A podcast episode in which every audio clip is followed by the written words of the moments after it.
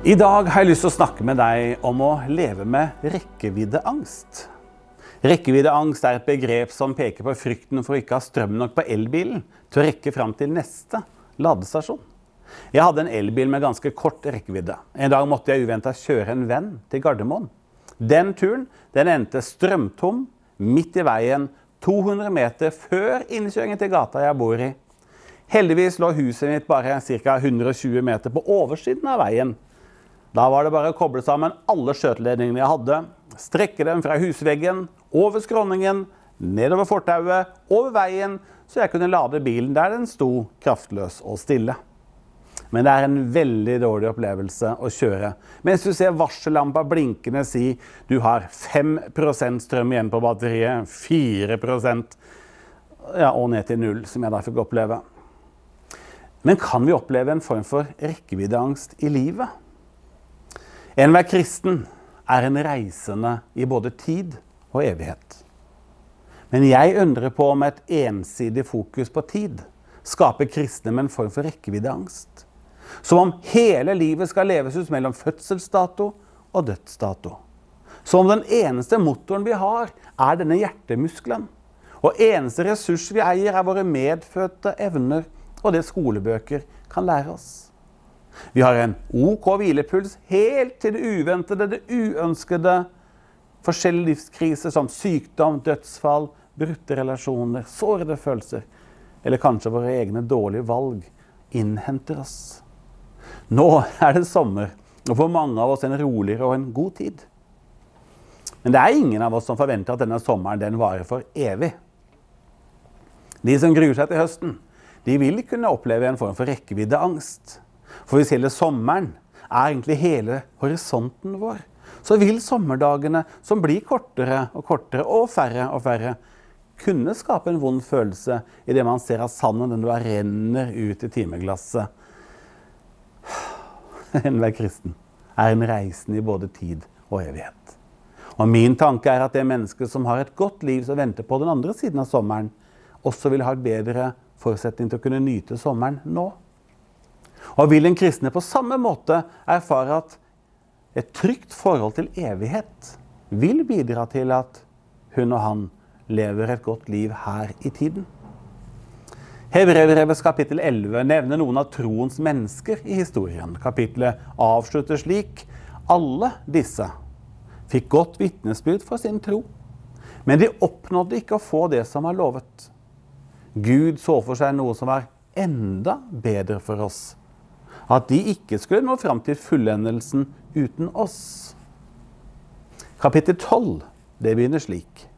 Derfor, når vi har en så stor sky av vitner omkring oss, så la oss legge av alt som tynger, og synden som så lett fanger oss inn, og med utholdenhet fullføre det løpet som ligger foran oss, og med blikket festet på Han, som er troens opphavsmann og fullender, Jesus for å få den gleden han hadde i vente, holdt han ut på korset uten å bry seg om skammen.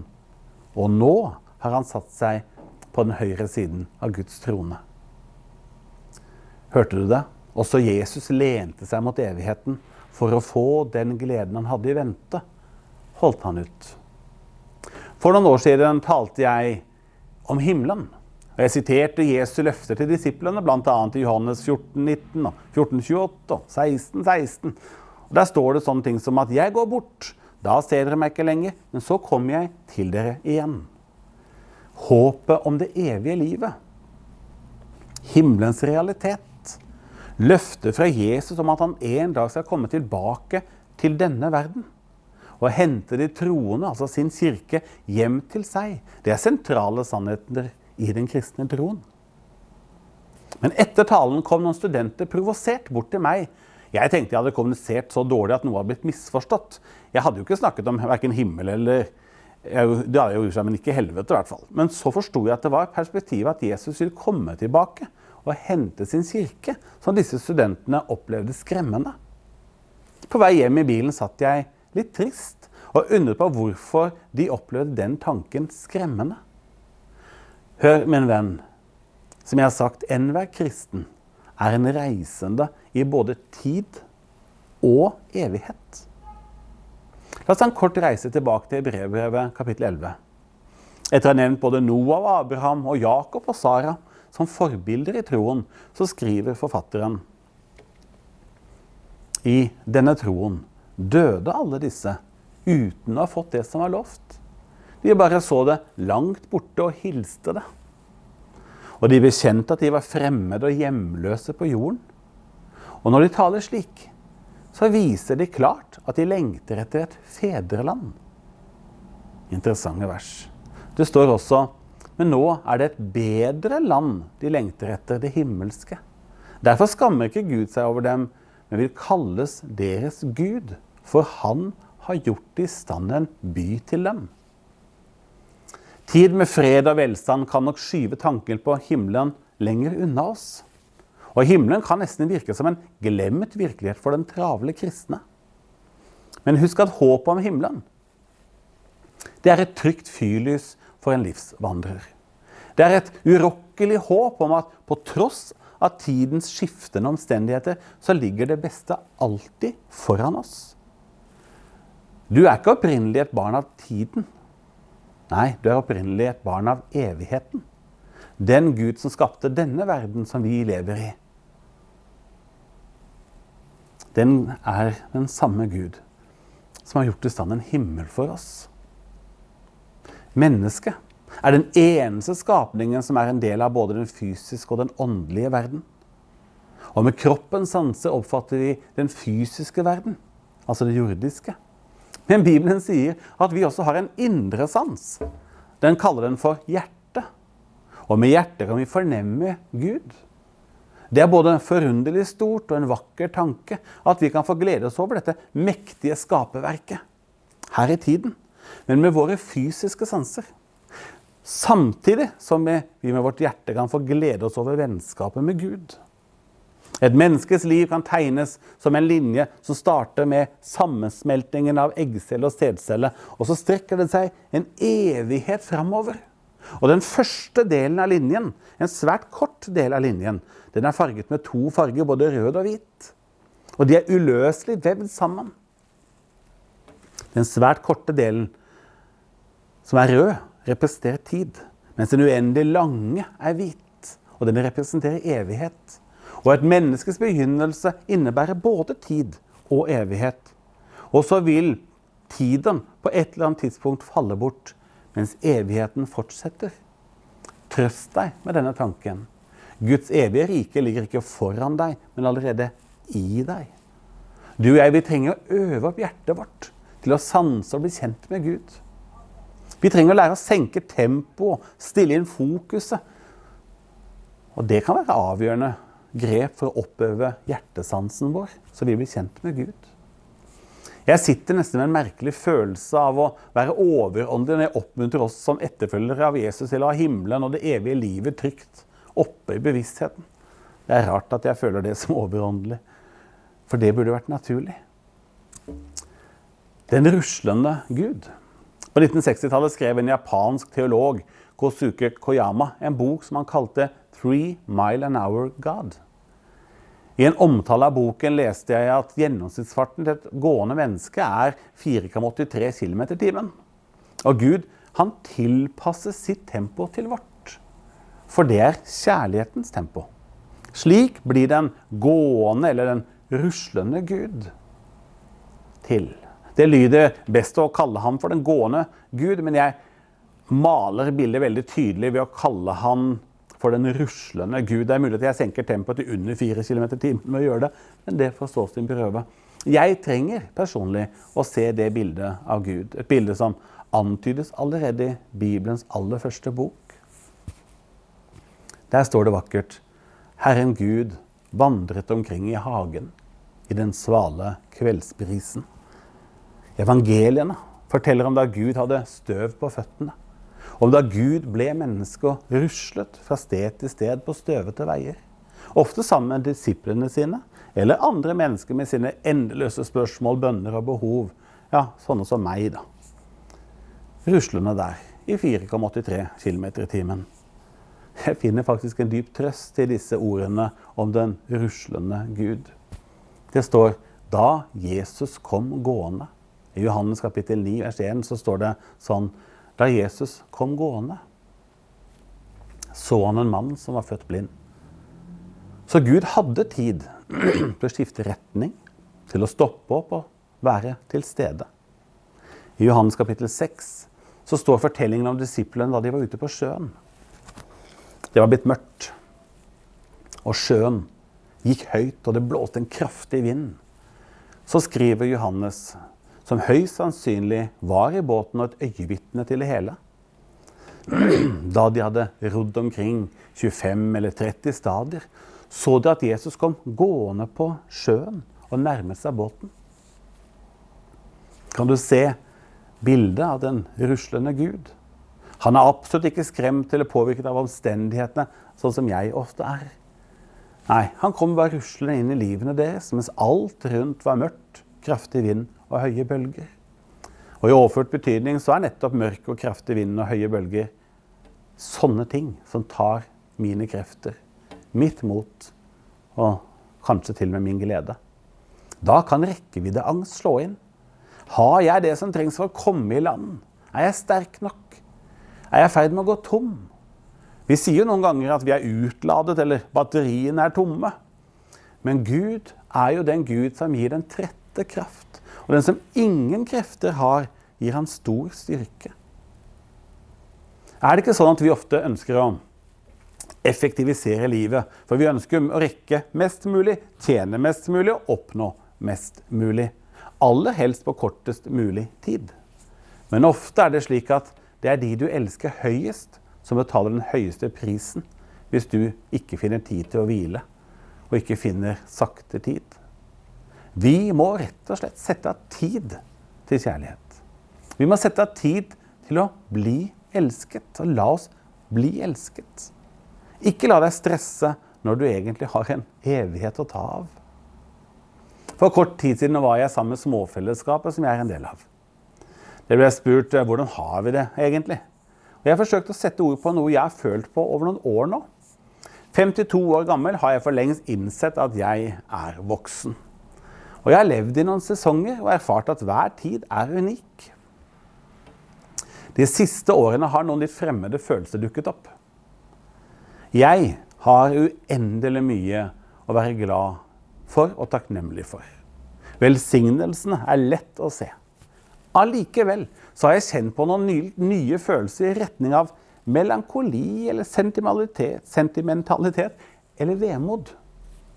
Aldersmessig er jeg i det som noen kaller det second halftime, eller skal du bruke fotballspråket, jeg er i andre omgang i livet.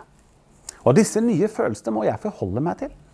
Og hvis jeg ikke evner å finne den sakte tiden, vil mange av disse følelsene og prosessene i livsreisen aldri bli omfavnet. Og aldri få mulighet til å bli hørt og forstått.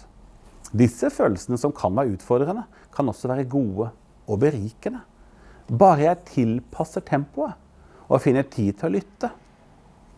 Alder kan skape rekkeviddeangst, for tiden går jo så fortvilt fort. Men jeg søker å finne en rytme i tiden ved å lene meg mot evigheten. Mitt liv nå kan bære frukt både i tid og evighet. For et perspektiv det er, hvis jeg griper det. Hvis han hadde rett i at Gud er en three mile an hour God, er det jo dumt hvis Gud har tilpasset seg et sunt og godt tempo for meg, mens jeg, jeg har begynt å stresse og løpe. Rekkeviddeangst kan handle om feil tempo og feil bruk av tid og krefter. Men det kan også handle om å ikke inkludere Guds ressurser i mitt liv. Evighet det er ikke sekunder som raskt renner ut mellom fingrene mine. Nei, for kort tid siden så stoppet jeg opp og kikket meg litt over skulderen. Og så lurte jeg på hva det siste året som hadde betydd mye for meg. Da oppdaga jeg noe viktig. Og det var at de viktigste øyeblikkene var ikke de raske øyeblikkene, men det var de sakte øyeblikkene. Det var de rolige samtalene. Det var de stille stundene. Og det var tiden med de jeg var glad i. Jeg er jo en som i jobben liker å få ting unna.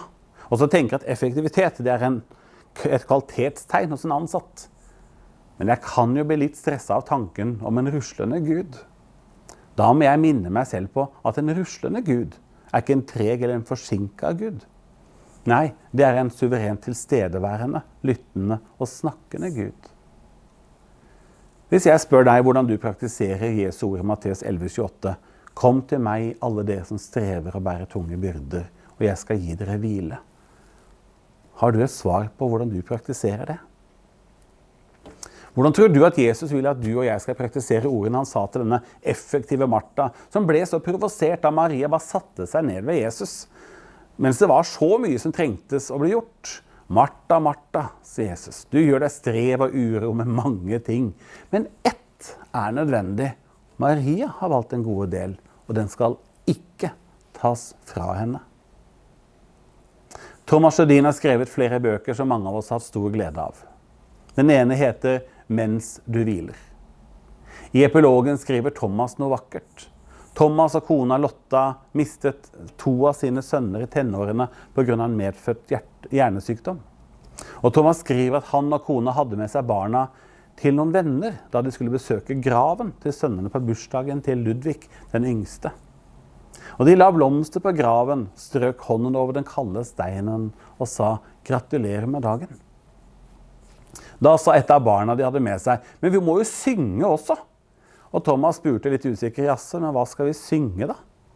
Gutten foreslår uten å nøle bursdagssangen 'Ja, må han leve'. Thomas forteller at de ikke visste helt om de skulle le eller gråte, men de valgte å le. Og så sang de 'Ja, må han leve', så det hørtes over store deler av kirkegården. Og så avslutter Thomas epilogen med å si det er jo dette som er det evige håpet. At vi kan minnes framover. Når du rusler med Gud, vil du oppleve at disse øyeblikkene kan komme hvor tiden står stille. Og livet berøres slik bare Gud og kjærlighet kan gjøre det. Øyeblikk hvor vi erfarer evigheten midt i tiden. Det er den ruslende Gud som kaller og inviterer oss med ordene 'Kom og følg meg'. Og så er det jo ofte sånn når vi pakker for en tur, da har vi som regel et klart endemål. Vi skal til bestemor, til hytta eller jobben. Men jeg tror ikke at en ruslende Gud kaller og inviterer oss primært for å bli med til et mål, men at det å rusle med Han dypet sett er hele målet. Gud har tatt seg mange navn som alle sier noe om hvem han er. Et av de fineste, syns jeg, er Immanuel. Det betyr rett og slett Gud med oss. For en fantastisk tanke. For et fantastisk løfte, uavhengig av hvor mine valg og livet har ført meg så er Gud der med meg. Om du er helt i starten av livet, eller om du akkurat nå er midt i en brutal kreftkur Gud er der med deg. Og så slutter jeg med å lure på om jeg Jeg kjenner meg nesten frista på slutten til å si Er du i en situasjon eller en fase i livet der du kjenner på rekkeviddeangst?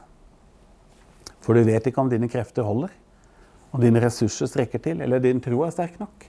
I så fall ville jeg nå ha lent meg fram til deg og sagt Tro om ikke du har glemt å legge Guds løfter og ressurser til regnestykket før du konkluderte og satte to streker under. Husk navnet han ga seg selv, Immanuel, for Gud er med deg. Hvis du ikke orker å gå så fort lenger, ja, så kanskje du endelig begynner å nærme deg 4,83 km i timen. Og det er jo kjærlighetens tempo.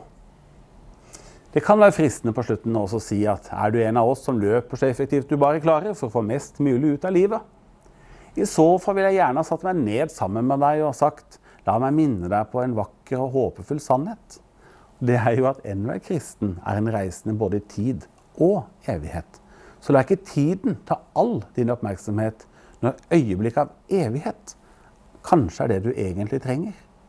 Og evigheten, den ligger ikke foran deg den har allerede begynt. Kjenn på stillheten. Rusl en stund i 4,83 km i timen sammen med Gud. Frykt ikke, for han er med deg alle dine dager. Jeg sier bare gled deg. Gled deg over det vakre og det gode som dine sanser lar deg fordele i. Nyt sommeren. Husk at det er like viktig å puste inn som å puste ut. Å hvile handler ikke om passivitet eller latskap. Det handler mer om å gjenoppta vår evne til å fange inn de viktige signalene fra våre omgivelser, fra vår Gud og fra vårt eget indre. Og la tanken om evighet, et himmelsk hjemland, og tanke på at Jesus da kommer tilbake, være troens og håpets anker som hjelper deg å leve godt her i tiden og trygg her i tiden. Pust inn, pust ut, og se bildet av den ruslende Gud med støvete føtter, som inviterer deg til å rusle sammen med Han. Og la hjertet ditt lære seg å høre Han, kjenne Han og hvile i Han. Rusle med Gud.